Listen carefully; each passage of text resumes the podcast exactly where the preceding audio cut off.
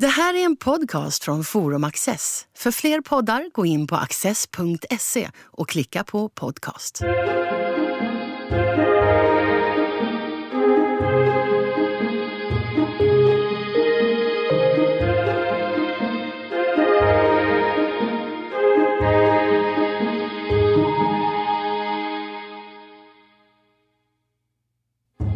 Med hjälp av kartor, reseberättelser och brev från 1600 och 1700-talet har Charlotta Fors, doktor i historia vid Stockholms universitet, studerat hur vi människor historiskt har förstått vår omvärld. Hur skiljer det sig från idag? Charlotta, du är författare till avhandlingen The Old, the New and the Unknown. Det är en avhandling om kartor, brev och reseberättelser från 1600-talet. Vill du berätta för oss hur du kom på idén? Den har, varit ganska, den har liksom växt fram ganska organiskt över ganska lång tid. Ehm, men jag tror att det började när jag var i USA på utbytesår, bara när jag läste min, eh, min grundutbildning. Ehm, och då så läste jag en del historiakurser och de, ehm, då pratade de om att så här var det i Europa under 1600-talet, så här var det i Europa på medeltiden. Och tänkte jag, fast det här känns ju inte riktigt det här känner jag inte igen från, från svensk historia, den, det som jag hade lärt mig tidigare. Och så började jag fundera på men vad menar vi egentligen när vi säger Europa som begrepp? Och vad, menar vi, vad är liksom de här geografiska begreppen som vi, som vi använder och förstår vår omvärld? Och så från det så på något sätt så växtes det en tanke om okej, okay, men om geografiska, om vi kan mena olika saker med geografiska begrepp idag, hur, kan de, hur funkade de historiskt. Och vad menade man med begreppet Europa på 1600-talet? Vad menade man? Vad finns det för källor för att säga någonting om vad det var geografisk kunskap förr i tiden? Där någonstans. Och en del av dina källor är kartor. Berätta gärna lite, hur såg de ut när du börjar din forskning? Så min avhandling tittar på 1600-talet eh, eh, så som, som, som fokus även om man liksom behöver gå framåt och tillbaka till tiden också. Och, men vid just den här tiden så är det, är det nästan vad man kan ibland prata om en geografisk revolution som är på gång i eh, europeiska kartor rent generellt och även i, i, i svensk geografisk förståelse. Så från en, en medeltida omvärldsbild och medeltida kartor som har haft eh, religion i centrum som har varit, eh, speciellt när man pratar om världskartor i, i alla fall, när man har, har, har haft eh, symboler som, som liksom visar hur världen ser ut eh, kanske känslomässigt, politiskt, religiöst men inte nödvändigtvis kartor som vi tänker oss dem där man liksom eh, visar platser i förhållande till varandra avståndsmässigt korrekt. Så vid den här tiden så har det skett en förändring eh, under 14, 15, 1600-tal till att man börjar eh, visa kartor som är mer eh, ja, vad vi skulle kalla korrekta, alltså som, som visar geografiska avstånd i förhållande till varandra. Um, så egentligen en 1600-talskarta kan vi ofta, en världskarta kan vi ofta känna igen. Uh, det finns delar på den som helt oförståeliga för oss. Vi har rationaliserat bort dem över tid eller konstaterat att de inte finns där. Men det finns också på något sätt så att man känner igen konturerna. Och det är den här dubbelheten där det både är väldigt det är likt det vi har idag men sen så finns det de här sakerna som verkligen ser annorlunda ut och, spänn och som, det är det som är, lite, som är spännande på något sätt. Men för att eh, vi fullt ut ska förstå den här revolutionen, vill du ge oss lite ett exempel på hur du menar när du säger en karta med religion i centrum? Det är ju svårt för oss att föreställa ja. oss. En karta är ju en geografisk plan. Ja, det är ju det. Eh, men om man tänker en, de medeltida världskartorna, och här får man göra en skillnad också mellan att man har haft kartor som kanske till exempel beskriver eh, en gård, hur den ser ut, eller en, en, en karta som beskriver eh, eh, en stad. De, de, är liksom lite äldre. Så om vi nu, men om vi pratar om världskartor. Så För då finns det ett berömt exempel, tänker jag. Ja, medeltida världskartor. Och de, de, de fyller det här ett, ett, liksom en, en, en mall, det vill säga att man har Jerusalem i centrum av kartan. Och nu pratar vi förstås om europeiska kartor. Om man pratar om arabiska kartor har de Mecka i centrum. Pratar man om buddhistiska kartor så har de Indien och, och, och vissa heliga platser där i centrum. Så att det, men det är en, en religiös förståelse av världen där det som är religiöst viktigt hamnar i centrum. Eh, och sen så är det också en kartbild som visar både geografiska platser, så den kanske visar viktiga städer som Paris, eh, som London, men som också visar händelser ur Bibeln. Så till exempel så brukar de här kartorna ofta markera ut Röda havet och visa eh, korsningen över där Moses korsade Röda havet till exempel. Eh, så det, det, finns en, liksom en, en kombination av både vad vi, liksom, topografiska detaljer och, och och eh, religiösa saker. Så, och, alltså egentligen så är det så att det är nog sant även för våra kartor idag att det finns, att och många gånger så är det mer än bara eh, geograf, geografisk information på dem. Så till exempel så har vi ju våra eh, kartor idag ger ofta också information om viktiga kulturella platser. Eh, här, här är den här sevärdheten, här har vi slottet, här har vi Skansen och så vidare. Eh, men också eh, kanske här finns det restauranger, här finns det... Så, så det finns alltid information och många lager i kartor men de här medeltida kartorna är ju speciella för att de verkligen verkligen orienterade kring det religiösa. Ehm, det fortsätter de att vara under 1500-1600-tal. Så det finns, eh, men, men de liksom börjar på något sätt sådär luckra upp så du har en kombination av det religiösa men också av de här mer eh, representationerna av geografiska platser. Eh. Och du har inte bara tittat på kartor utan också reseberättelser och brev.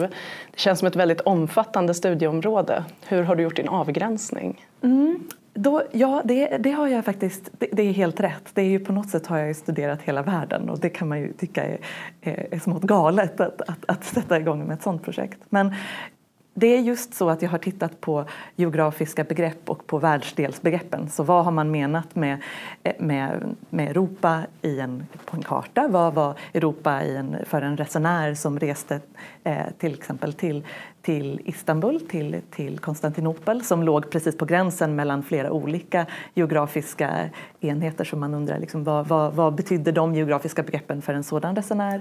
Eh, helt enkelt använt dem begreppen som ett sätt att, att begränsa eh, studien. Och hur har din forskning gått till? Hur har en vanlig dag på jobbet sett ut för dig?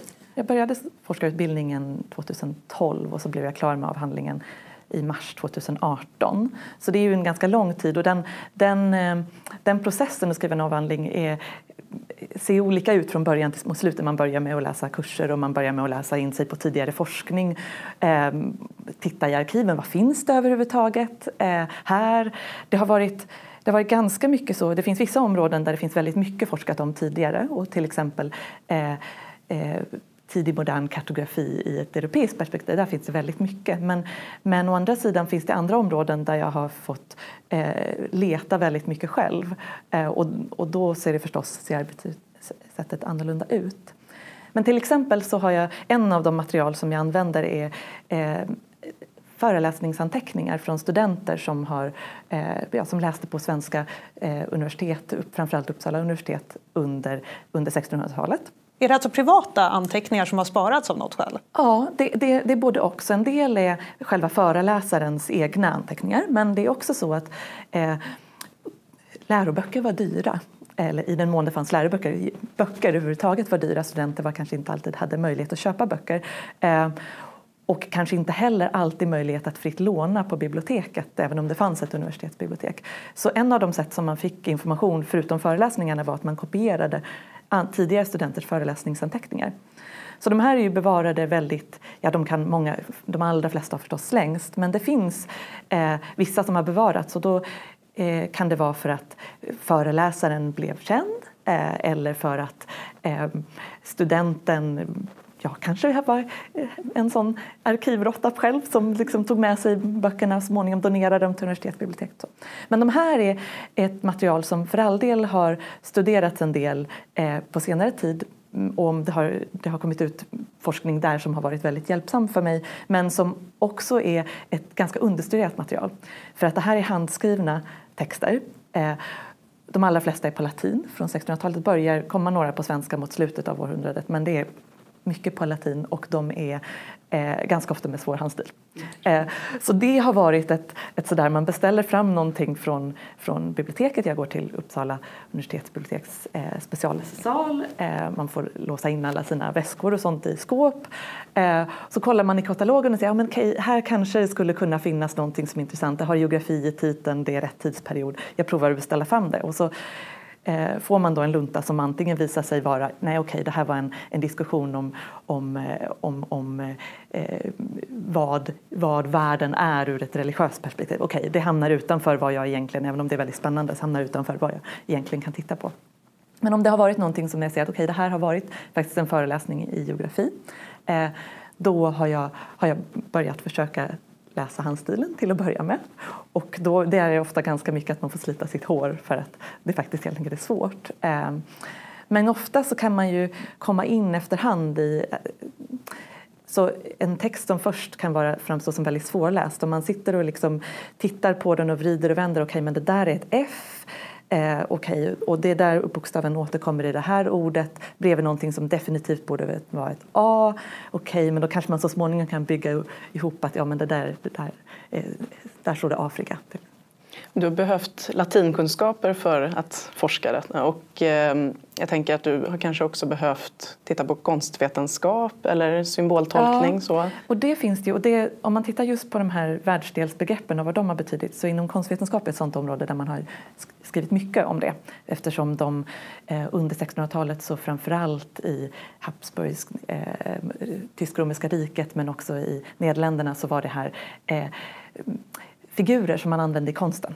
Eh, och det finns också lite i Sverige. Så till exempel Skoklosters slott utanför eh, Stockholm, ja, utanför Sigtuna. Eh, där finns det i deras kungssalen där så finns det ett, ett tak som, där man har eh, representationer av de fyra världsdelarna. Till exempel då, Eh, Sverige, eh, Afrika, Amerika, Europa och Asien. Eh, så, som då på något sätt är någon form av geografisk information och förståelse men som också då är en, en konst, konstrepresentation. Eh, och nu har inte jag läst konstvetenskap och det blir på något sätt så att man får liksom använda sig av och, och, lära sig av vad andra har skrivit eh, och förhoppningsvis kunna säga någonting med ett lite annat perspektiv som, som andra kan bygga vidare på senare. Men om vi tittar på den perioden som du forskar på, 1600-talet. Vad, eh, de kartorna som finns på den tiden, vad, vad kan man hitta för sådana här konstvetenskapliga symboler i dem? Eller inte bara konstvetenskapliga, vilken typ av symboler hittar man? Det finns olika typer av symboler. Så ofta är de här kartorna väldigt eh, utsmyckade. De är ofta, de skulle inte bara, nu pratar vi om, om liksom världs, världskartor eh, snarare. Det fanns kartor som gjordes av någon som satt på kammaren och ja men, eh, ja okej du vill gå dit, ja men följ den där gatan och sen gör du det och så, och så är det väldigt, väldigt enkla eh, sketcher. Liksom. Men om man tänker de här kartorna som publicerades och som publicerades eh, framförallt i Amsterdam som var verkligen ett centrum för, för, för den här typen av geografisk eh, och geografisk kulturell publikation. De är ofta väldigt utsmyckade. Eh, och då har de, dels är det eh, så kallade kartuscher som är där, där själva titeln står. Det kan vara vapensköldar för, för personer som, man, som kartmakaren då vill imponera på och kanske vill ha ekonomiskt bidrag från. Så ett väldigt effektivt sätt är då att, att, att placera in den personens eh, eh, namn och, och, och, vapen. Och så. Men sen är det också då eh, till exempel eh, över en karta över Norden så kan du se eh, då några, en, en, en, figur som ser väldigt krigisk ut, kanske som är eh, klädd i eh, päls och så vidare, så där, som, som, som på något sätt symboliserar att det här är de här eh, idéer som fanns i samtiden om att, att i Norden det var goternas urhem. Till exempel. Ja, barbariska Norden. Precis, det, det, den kan du se. Eller om, du är, om det är en karta över Kina så är det ofta en stiliserad bild av, en, av en, hur man tänkte sig från, från europeiskt håll att en kines såg ut.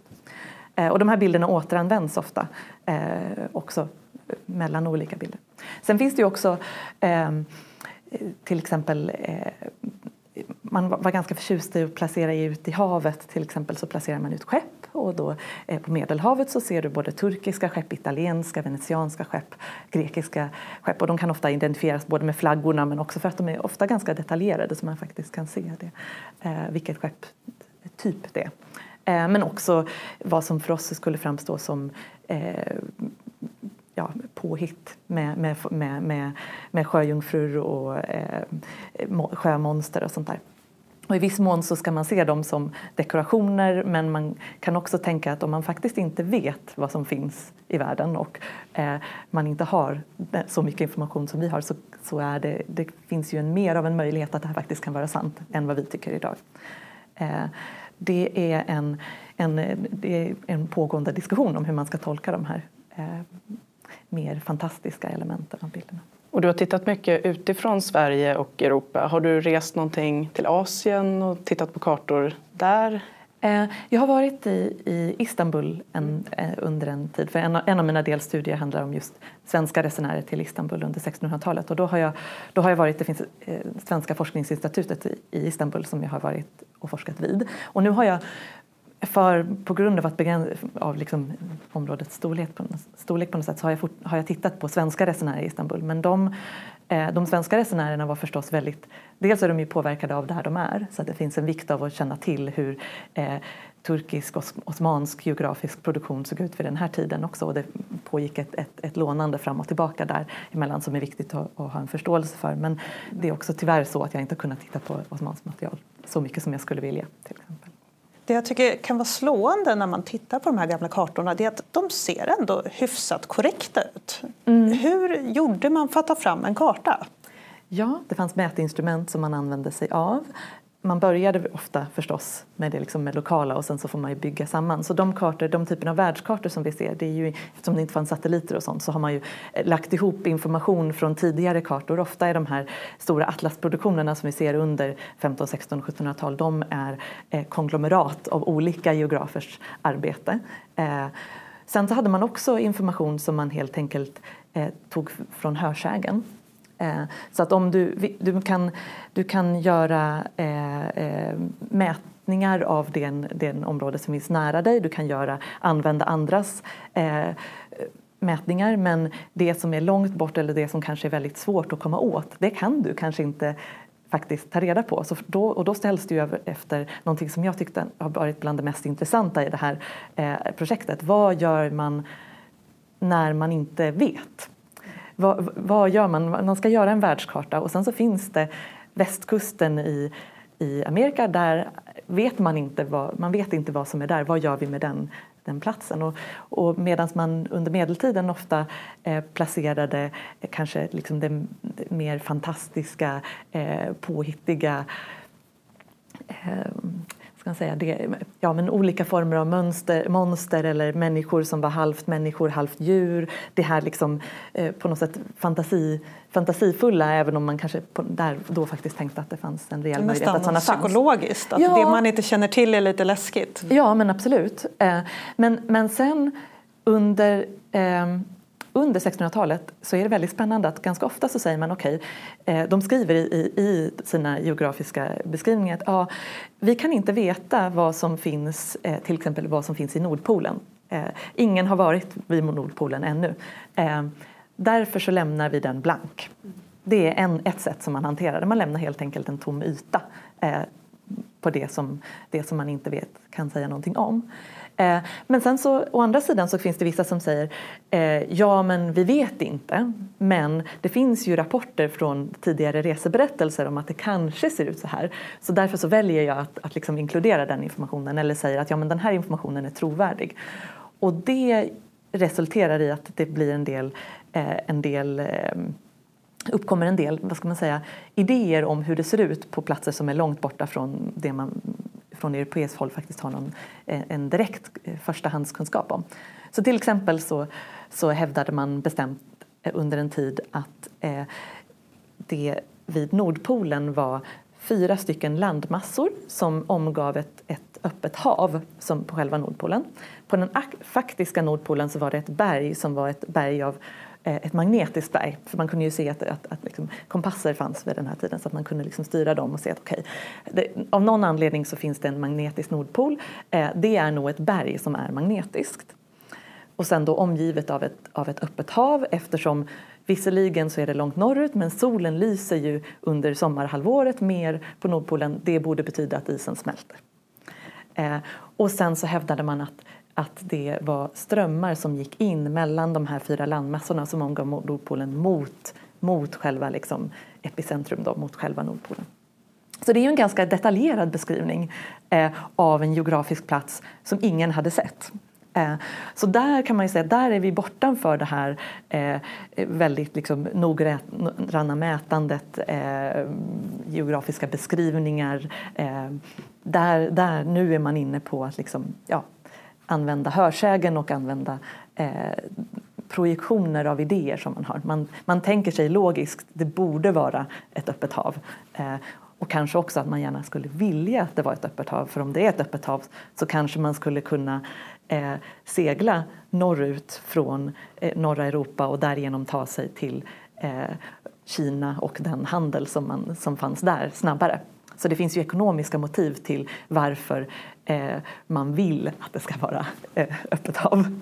Och förutom reseberättelserna som komplement till kartorna då, så har du också tittat på brev. Ja, och det är egentligen så att, att gränsen mellan vad som är en reseberättelse och ett brev den är flytande. Så, att, så att jag har gjort en ganska bred definition av hur jag, vad har jag sett att reseberättelser är. Eh, så att jag har, jag har tagit med också eh, brev i det här. Och det är Dels har det varit då diplomatiska brev, så, så svenska diplomater till, till Istanbul eh, till exempel som har skrivit brev. Det har också varit eh, jag har en, en kvinnlig brevskrivare i, i, i avhandlingen. Det är ju, framförallt är det, är det män som både var eh, vetenskapsmän som, som, som skrev om geografi och som, och, som, och som reste och som har lämnat material efter sig. Det är inte lika vanligt att vi har kvinnliga resenärer som har gjort det, även om det finns. Men eh, Eh, Anna Åkerhielm var en, en, kvinna som, som var anställd eh, som eh, eh, hovfröken hos en eh, svensk adelskvinna och som via henne kom med och var med, eh, reste i, i dagens Grekland. Det var krig mellan Venedig och Osmanska riket och eh, i i Grekland under 1686-89. Och hon var med liksom i, i trossen på något sätt till, till den venetianska armén. Då. Eh, hon skriver brev hem. Eh, hon beskriver både om eh, ja, sina, sina upplevelser. Hon skriver till sin bror framförallt. Eh, hon berättar om att eh, ja, nu har jag varit vid, vid de här platserna och kommer du ihåg när vi var barn och vi läste om, om Iliaden och vi läste om Agamemnon och hans, hans hustru Klytemnestra. nu har jag sett de här platserna. Och det är ju ganska fantastiskt för det ger oss verkligen en personlig känsla av att, att här, hon liksom refererar till ett, ett kunskapsstoff som hon har med sig men, och sen så liksom kopplar hon det till de här platserna hon, som hon är på. Eh, men sen så skriver hon också och rapporterar om, om de svenska eh, officerare och soldater som fanns med i den venetianska armén. Eh, så beskriver hon, okej okay, nu har de här personerna gått bort. Eh, så att hon fungerar lite som en, en kanal för att få fram få hem information om, om svenskar till en bredare publik. Sannolikt är det det som händer. Är det då en slump att hennes brev finns bevarade eller är, fanns det just en tanke med att de var så detaljerade? För jag tänker, hon var ju inte kvinnan med högst status i det Nej. följet. Nej, det men det är hennes inte. brev som finns bevarade. Ja, alltså, tyvärr är det ofta slumpmässigt. Um, nu är just hennes brev det är något av de breven som man kan se har, är citerade i eh, svenska posttidningar som, som, som, var, som gavs ut. Så de finns liksom i flera led. Alltså samtida tidningar? Ja, sam, samtida tidningar. För hennes, hennes bror eh, var inblandad i, den, i, i, publikationen av den tidningen så han kunde ta hennes information och få med den i, i liksom, som, eh, få ut nyheter på det sättet. Men eh, det kan ju ha att göra med att, att, det, är, att det har varit en, en eh, att ja, ofta, ofta är det helt enkelt slump och jag skulle säga att det är nog så i det här fallet också. Slump på så sätt att det är, väl, det är ju någon som har valt att okay, det här är värt att spara istället för att slänga. Så det är ju inte slump på sitt vis. Eh, men, men i viss mån så är det ju det också. Skulle du säga att det är ett problem i din forskning med att det finns hål i historien så att säga för att papper har vittrat sönder? Eller? Ja, det är en utmaning. Eh, det går ju, och det är ju egentligen så med väldigt mycket historisk forskning att man kan ofta inte säga eh, göra den typen av kvantitativa studier som man skulle vilja göra. Eh, den typen av att säga att okej, okay, eh, av alla de som reste så uppfattade eh, si och så många procent, så, så stor andel världen på det här sättet. Det, det, det kan vi helt enkelt inte komma åt. Eh, ofta är det frustrerande när man kanske till exempel vet att en person har, har skrivit en, en, berätt, en reseberättelse men den har försvunnit. Eller någon som man vet gjorde en spännande resa men aldrig skrev något. Kartor som har försvunnit. Eh, man får liksom försöka hitta vägar runt det där. Och då blir det ju så att även om jag kanske inte alltid, jag kan kanske inte säga att det här var det vanligaste sättet att uttrycka det men jag kan säga eh, okej, okay, när man pratade om vad Europa var under 1600-talet, då rörde man sig från den här ytterligheten till den här ytterligheten. Däremot så gick man inte till det här. Alltså jag, jag, jag kan på något sätt, få något sätt, av det material vi har bevarat så kan man se den här bredden. Och, om, och där kan man ju säga då att okay, det fanns en väldigt stor bredd i hur folk pratade om geografi eller, eller det fanns en väldigt stor konsensus. Då kan det ge en indikation på någonting. Men, men ofta är det ju frustrerande eh, faktiskt eh, vad, vad, man måste liksom på något sätt använda vägar runt eh, för att komma åt eh, saker och ting. Kan man göra en gissning på hur det geografiska medvetandet såg ut för så att säga, vanliga människor? Om det var en bonde i Småland eller en borgare i Stockholm på 1600-talet. Mm. Vad visste du om världen? Mm. Och det är också så, det, på något sätt, det vill man ju verkligen komma åt och, och tyvärr så är det ofta man inte kan säga så mycket. Men eh, lite information kan man få genom eh, alltså först ska det nog sägas att vanliga människor det jag pratar om här och det jag har skrivit om är ju på något sätt en elits eh, omvärldsuppfattning eftersom det är de som, som, som gjorde kartor, konsumerade kartor, reste eh, eh på det här sättet och, och, och skrev. Så är det. Eh, men, men eh, samtidigt så eh, läroböcker till exempel även för barn. Så Amos Comenius lärobok eh, i, som, som, som, handlade om, som, man, som man använde vid den här tiden för att lära barn att läsa. Eh, den innehåller också lite kartor, man kan få en känsla för där, få på något sätt i alla fall den typen av information som, som, som lärdes ut till, om inte kanske till alla, men till i alla fall till en bredare grupp. Och ibland så får man också, har vi också bevarat eh, mer enskilda resenärer som kanske eh, av någon anledning har rest och som har varit av lite enklare bakgrund. Så till exempel min, min, en annan fallstudie som jag tittat på har varit den kolonin Nya Sverige i Amerika som, som Sverige hade från 1638 till 55 och där var det ju en bredd av personer som reste till Nya Sverige och en del av dem eh, fick inte betalt så som de hade önskat att de, eller som, som var överenskommet att de skulle få. Och de skrev petitioner till kronan sen för att få, eh, eh, för att få kompensation för, för, för skador och, och för, för, att få betalt. Och där kan man ju se vilka typer av geografiska begrepp använder de? Var säger de att de har rest någonstans? Vad, vad finns det för information där? Så då får man liksom också gå på något sånt här vägar runt för att komma åt det där man vill. Eh, och eh, jag tror att det är nog Eh, Eh, en religiös världsbild eh, som också då på något sätt är, är kopplad till en förståelse att det finns olika liksom, att, att, man vet till exempel att jorden var rund, det är ingen, ingen, ingen tvekan om. Nu kanske tänker jag mig att vanligt folk hade kanske inte så mycket, så mycket relation till det eller så mycket behov av att tänka kring hur, hur världen såg ut, eh, hela världen. Men, men på något sätt den, man får ju tänka att den information som som, som eh, lärdes ut i skolor och som lärdes ut på universitet och så på något sätt eh, skapade någon form av ramverk också. Eh, ja. Charlotta Fors, tack för ett intressant samtal. Ja, tack själva. Vi har fått höra om hur kartor, reseberättelser och brev kan beskriva vår mänsklighet. Tack för att ni har tittat.